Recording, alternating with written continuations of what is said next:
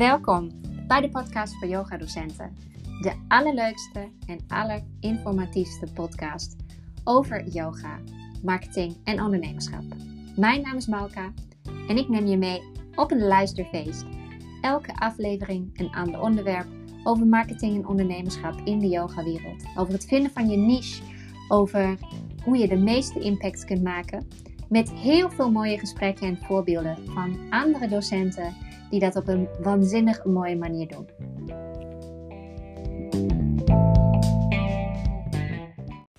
Hallo, hallo, welkom terug. Superleuk dat je weer luistert naar de podcast voor yoga docenten. En deze week wil ik even beginnen met een berichtje dat ik heb gekregen, want jullie kunnen mij via de link onder de podcast een voice message sturen. Dit is een reactie op de aflevering Yoga Big Mac van Mandy.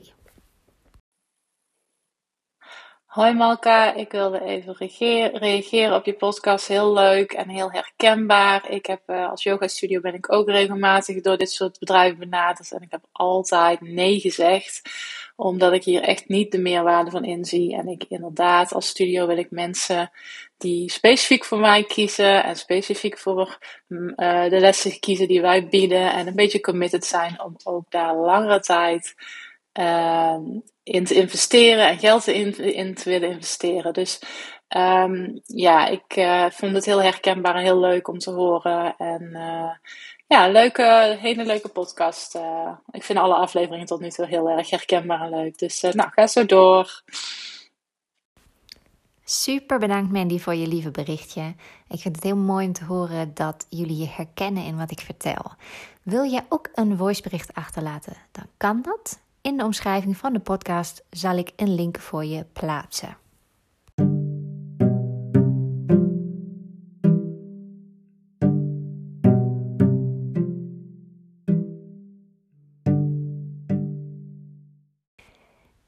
Dan gaan we nu door met de echte aflevering. En deze keer wil ik je eigenlijk een semantisch fenomeen uitleggen. Misschien denk je nu, hè, waar heb je het over? Dit gaat over yoga. Maar wacht even. Dit gaat zeker over yoga. Semantisch betekent een taalfenomeen. Semantisch fenomeen is een taalfenomeen. En ik heb lang gezocht naar een echt passende vertaling voor datgene wat ik wil bespreken, maar ik vind de Engelse term het meest toepasselijk. In het Nederlands noem je dit een dooddoener. In het Engels noem je het een thought terminating cliché. Of eigenlijk vrij vertaald een cliché wat eigenlijk een verdere gedachtegang of een verdere discussie onmogelijk maakt. En dat is heel interessant om eens in te duiken, want in yoga zijn we er gul mee. We strooien daarmee.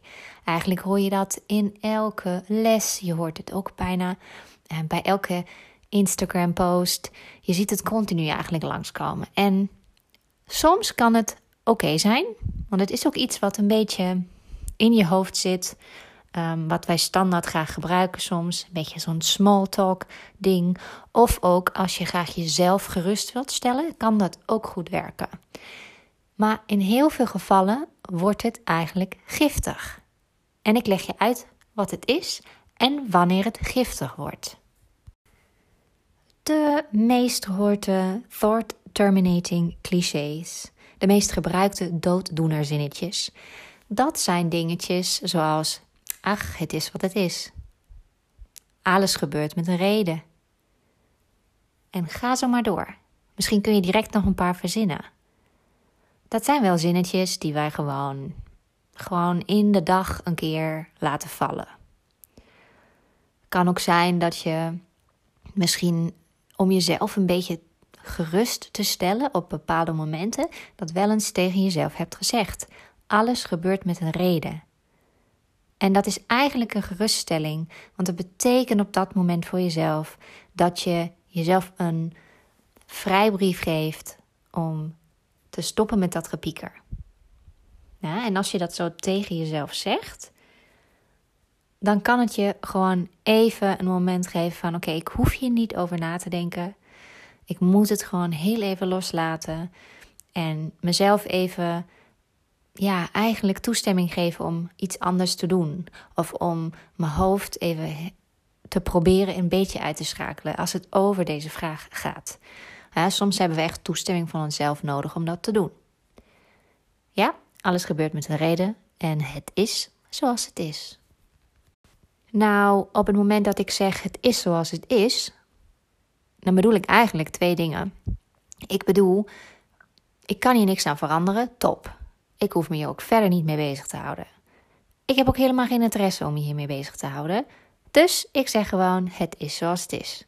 Ik ga lekker het gesprek uit de weg verder, maar ik ga misschien ook de discussie met mezelf uit de weg.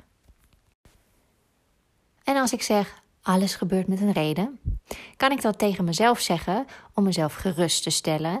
Want soms zijn situaties zo overweldigend, emotioneel, fysiek, mentaal, dat je gewoon de grotere, ja, eigenlijk het soort kosmische vraagstuk zoekt. Je zoekt een beetje iets om je aan vast te houden. Je wilt misschien het idee hebben dat er voor alles maar een reden moet zijn. En dan zeg je dat om jezelf gerust te stellen. Het gebeurt met een reden en ik kan hiervan leren. Dat is op zich prima. Dat heb ik ook al vaak tegen mezelf gezegd. Het is ook niet ongezond. Het kan ongezond worden op het moment dat deze zin valt, omdat je eigenlijk het probleem niet wilt aanpakken. Omdat je eigenlijk verder hier niet over na wilt denken. Omdat je schuld, in het geval dat er een schuldige gevonden kan worden, snel makkelijk bij iemand anders kunt leggen. Het is jouw schuld niet, het gebeurt met een reden. Alles gebeurt met een reden. Het kan ook zijn, en dan wordt het pas heel gevaarlijk, dat deze zin valt in een discussie waarbij iemand anders met jou een kwetsbaar moment deelt en jij als geruststelling zeg je tegen diegene: alles gebeurt met een reden. Maar dat is heel pijnlijk om te horen voor die persoon. En het is ook geen steun. Eigenlijk zeg je op dat moment: je krijgt wat je verdient. En wat je veel beter kunt zeggen is: oké, dit is een KUT-situatie. Kan ik je helpen? Hoe kan ik je helpen? En dan geef je een paar opties. Gewoon echt praktische dingen die jij echt kunt doen. Kan ik voor je koken? Kan ik helpen opruimen? Kan ik iemand voor je bellen? Maar gewoon op een kwetsbaar verhaal antwoorden. Alles gebeurt met een reden.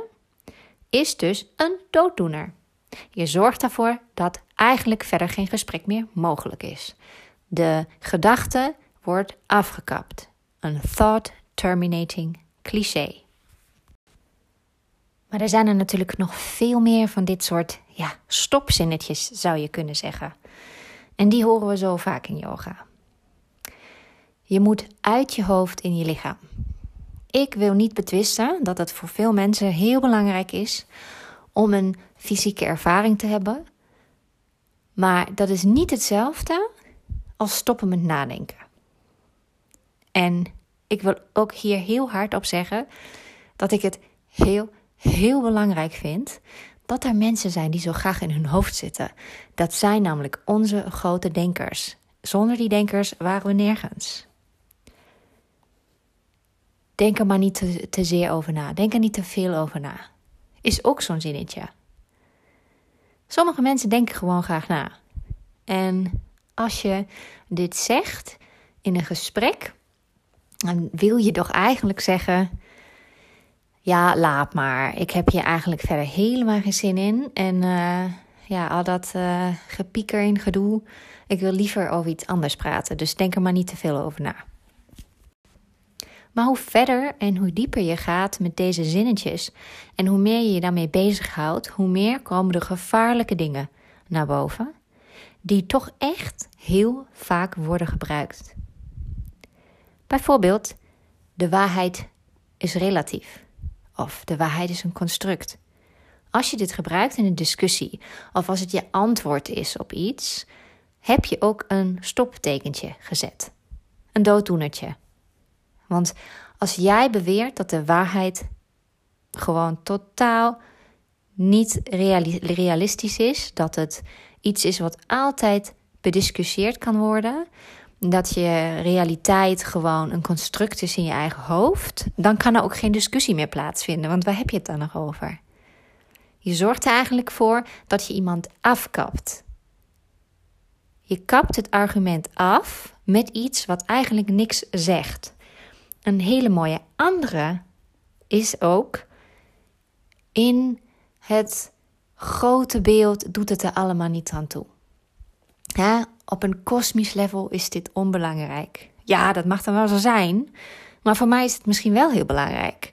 Maar op het moment dat je dan zo'n uitspraak doet en je zegt: ja, hè, op een groter niveau, op een kosmisch level, is, valt het in het niets. Dan ga je eigenlijk mijn ervaring devalueren. Je zegt eigenlijk dat wat ik zeg en wat ik ervaar, dat dat onzin is en onbelangrijk. En nu gaan we steeds meer afglijden in deze aflevering. Want nu komt mijn favoriet, waar ik al twee jaar lang gewoon braakneigingen van krijg. Laten we maar eerlijk wezen. En dat zijn de zinnetjes: liefde gaat altijd winnen. En misschien ben je gewoon bang. Oh, en daar wil ik nog eentje aan toevoegen. En dat is: ik stel gewoon wat vragen. Jij hebt dus een probleem of je hebt een mening. En daar ben ik het fundamenteel niet mee eens. Maar ik heb ook niet echt zin om nou naar je argumenten te luisteren. Want eigenlijk weet ik dat ik niet echt tegenargumenten heb. Ik kan er eigenlijk niet echt heel veel tegen inbrengen, want ja, feiten zijn aan jouw kant. Dus ik sla dat hele gesprek even dood.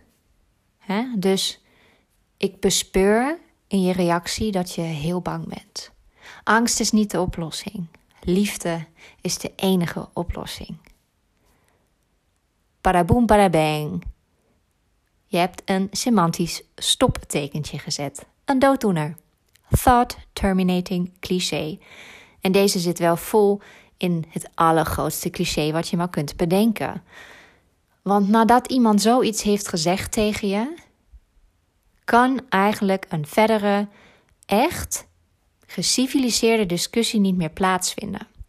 Want diegene baseert zich niet op feiten. Diegene die roept gewoon iets wat een verdere redenering niet mogelijk maakt. En wat ook laat zien dat diegene helemaal verder niet wil doorredeneren. Diegene wil eigenlijk gewoon dat het over is. En ik stel gewoon wat vragen is ook een prachtige. Want je stelt zomaar gewoon wat vragen. Je stelt nooit zomaar wat vragen. Dat is natuurlijk volledige, volstrekte onzin. Je dropt gewoon wat bommetjes, maar daar neem je niet de verantwoordelijkheid voor want je stelt gewoon wat vragen. En ik heb eigenlijk een hele mooie zin gevonden die dit omschrijft. En die zin komt uit een boek over taal. En een linkje naar dat boek ga ik delen in de show notes, in de omschrijving van deze podcast. Dat is een quote van Diane Benscoter, die voormalig aanhanger is van de Unification Church, een cult. En ze zegt: It's work to think especially about things you don't want to think about. En dat is precies wat het is. Op het moment dat het in een gesprek oncomfortabel wordt, oncomfortabel voor jou, ga je doodslaan.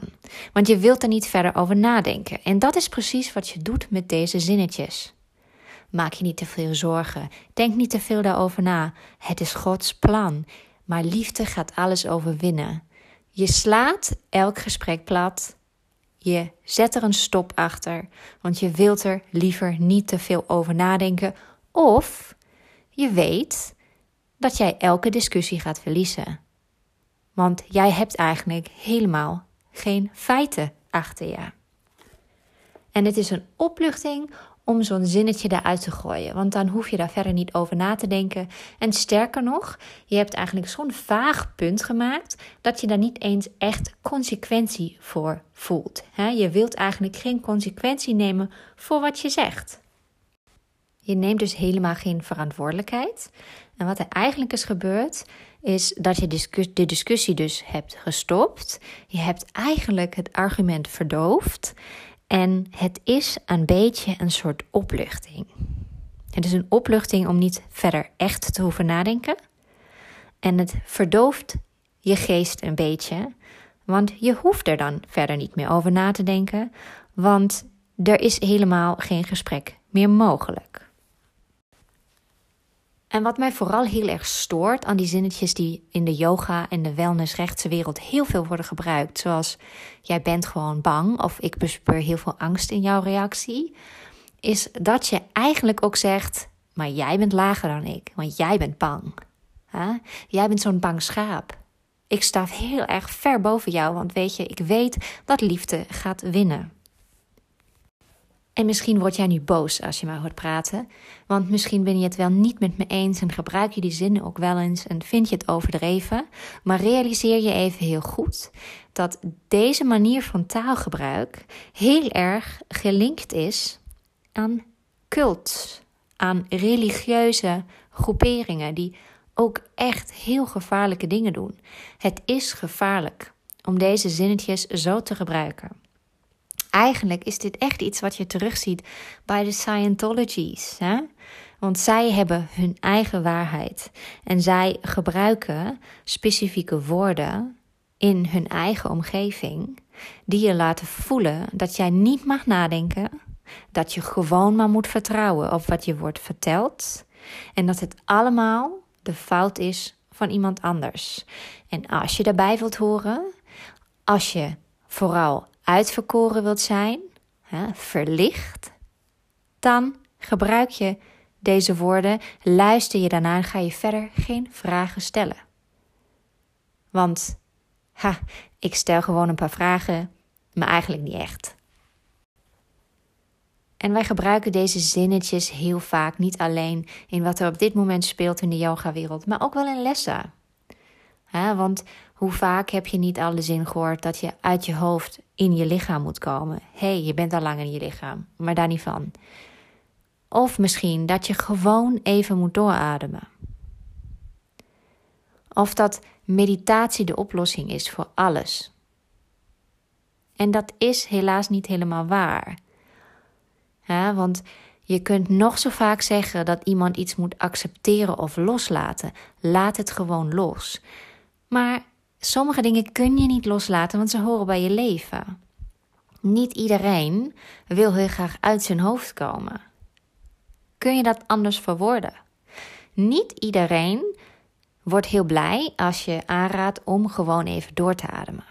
Zo heb ik een oud collega die lang heeft geleefd met een angststoornis. En zij gebruikte box breathing op het moment dat ze een paniekaanval kreeg. Box breathing is als je ademt in een vierkant. Ja, je visualiseert een vierkant. Je ademt in, uit, in, uit. Maar inmiddels, omdat ze dit zo vaak tijdens een paniekaanval heeft gebruikt, is het voor haar een trigger. En hetzelfde kan gebeuren met zeggen tegen mensen dat ze gewoon even moeten zitten in stilte en dat dat dan alles gaat oplossen. Want voor mensen met bijvoorbeeld bepaalde psychische aandoeningen is zo'n meditatiemomentje helemaal niet per se geschikt. We moeten dus opletten dat we niet dit soort clichézinnetjes als oplossing gebruiken voor alles. Je moet kijken naar de persoon die je voor je hebt. Je moet goed erover nadenken wat je diegene mee wilt geven. En niet elke discussie of elk gesprek afkappen met zo'n clichézinnetje. Want het helpt gewoon niet altijd. En sterker nog, het kan zelfs heel kwetsend zijn voor iemand.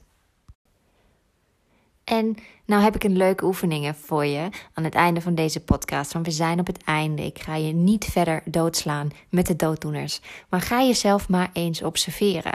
Er zijn superveel thought-terminating clichés, oftewel dooddoeners, die we sowieso al de hele tijd gebruiken. Denk maar gewoon aan de zinnetjes zoals ik noemde in het begin. Ach, het is wat het is. Of ja, ik heb er toch geen invloed op. Het zijn jongetjes. Die spelen nou eenmaal zo. En ga zo maar door. En Je betrapt jezelf daar vaker op dan je denkt. Maar let ook eens goed op wanneer je dit tegenkomt in de yogawereld. En of dat een vleugje gevaarlijk is of niet.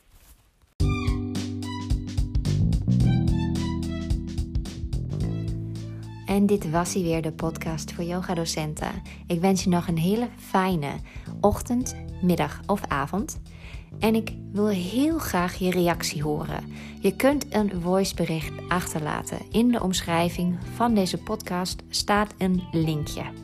Je mag ook een vraag insturen als je graag wilt dat ik je help met een dilemma, met een marketingvraag bijvoorbeeld, met een businessvraag. Maar je mag ook een suggestie geven voor een volgende aflevering.